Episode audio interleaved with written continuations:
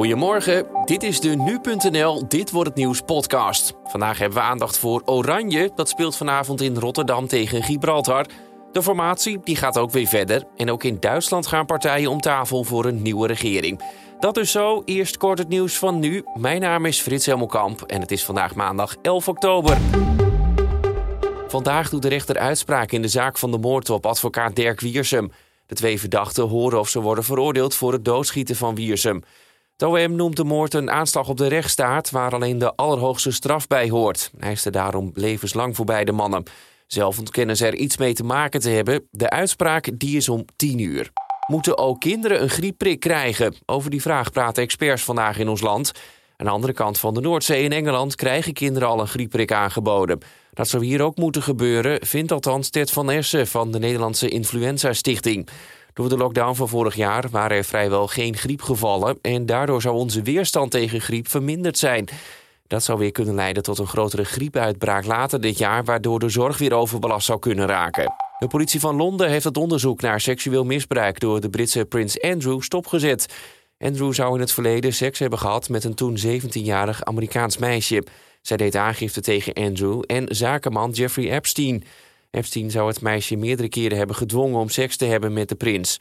Dat zou in Engeland zijn gebeurd, maar ook in Amerika op het landgoed van Epstein. Waarom het onderzoek is stilgelegd is niet duidelijk. Andrew zelf heeft altijd ontkend. Epstein die kan niet meer worden vervolgd. Hij werd in 2019 doodgevonden in zijn cel. Vandaag wordt ook duidelijk of de neef en advocaat van Ridwan Taghi voorlopig vast blijft zitten. Youssef T. gebruikte volgens het OM zijn positie als advocaat om boodschappen voor Taghi door te geven. Ook zouden de twee hebben gesproken over een uitbraakpoging. Taghi is de hoofdverdachte in het Marengo-proces en zit sinds 2019 vast in een extra beveiligde gevangenis in ons land. Hij mag alleen contact hebben met zijn advocaten. In Amsterdam is een voetganger aangereden door een politieauto die met spoed op weg was naar een melding. Het busje zou met zwaarlichten en sirene aan hebben gereden. Hoe de voetganger de politiewagen heeft kunnen missen, dat is niet helemaal duidelijk. Het Europese Hof praat vandaag over de uitspraak van het Poolse Hoge Rechtshof. Dat oordeelde vorige week dat de Poolse grondwet belangrijker is dan uitspraken van het Europese Hof. Een van de voorwaarden van het lidmaatschap van de Europese Unie is juist dat Europese uitspraken voor alle lidstaten bindend zijn. Polen is het daar dus niet mee eens en wil zich niet per definitie aan Europese regels houden. Mogelijk krijgt Polen straks geen geld meer van de Europese Unie. Onlangs besloot de Europese Commissie namelijk dat als een land zich niet aan de euroregels houdt, het geen recht meer heeft op subsidies. Dit weekend gingen tienduizenden Poolse inwoners de straat op om tegen de regering te demonstreren. Facebook kondigt extra maatregelen aan om misbruik op haar platforms tegen te gaan. Vooral kinderen moeten door de maatregelen beschermd worden. Zo krijgen ze een waarschuwing te zien als ze te lang op Instagram zitten en gaat Facebook ook waarschuwen als ze ongeschikte content bekijken. Facebook overweegt nog om ouders een soort toezichtfunctie te geven, waarmee ze kunnen sturen op wat hun kinderen doen en bekijken. Facebook ligt al langere tijd onder vuur omdat het platform te weinig zou doen tegen misbruik en winst belangrijker zou vinden dan de veiligheid van haar gebruikers.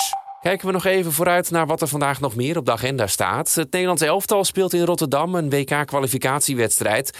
Afgelopen vrijdag wist het team van trainer Louis van Gaal te winnen in Letland, al was dat wel een zwaar bevochten pot. Vanavond spelen de Leeuwen dus in eigen land als tegenstander Gibraltar. Begin dit jaar stonden de landen ook al tegenover elkaar. Toen werd het 7-0 voor Oranje. Dat vanavond weer gaat gebeuren is even afwachten. De wedstrijd begint om kwart voor negen. Aan het eind van de ochtend gaat de formatie weer verder in Den Haag. Informateurs Remkes en Koolmees zullen dan overleggen met de partijen VVD, D66, CDA en ChristenUnie.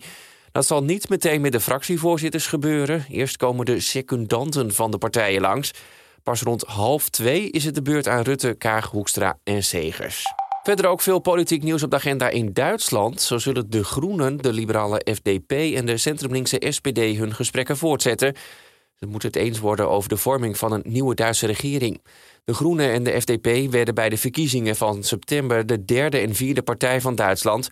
De Groenen van de FDP werden bij de verkiezingen in september de derde en vierde partij van Duitsland. De SPD van Olaf Schulz won de verkiezingen ten koste van Armin Laschets CDU-CSU. Die laatste zal vandaag praten over een reorganisatie binnen zijn partij. Het CDU en zusterpartij CSU leden onder leiding van Laschet een historische nederlaag bij de verkiezingen.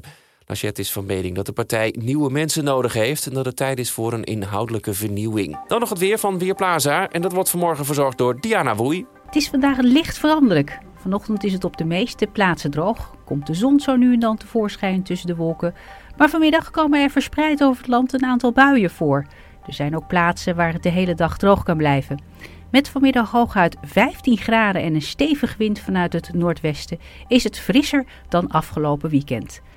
Later vanavond neemt de bewolking toe en vannacht kan er enige tijd regen gaan vallen. En dan nog even dit. Als je auto of fiets wordt gestolen, is dat natuurlijk al vervelend genoeg.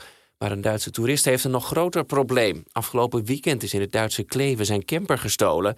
Alsof dat nog niet erg genoeg is, ook zijn hond die nog in de camper zat, is spoorloos verdwenen. Was zowel de camper als jachthond Buddy ontbreekt nog steeds ieder spoor. Een foto van Buddy kun je vinden op de Facebookpagina van Stichting Hart Limburg Zuid. En dit was hem dan weer, de Dit Wordt Het Nieuws podcast voor deze maandag 11 oktober. Dank voor het luisteren, zoals altijd. Deel deze podcast vooral ook met je vrienden. Laat een reactie achter en zorg ervoor dat wij dan ook voor hun beter te vinden zijn. Ik wens je een hele fijne dag en tot de volgende keer.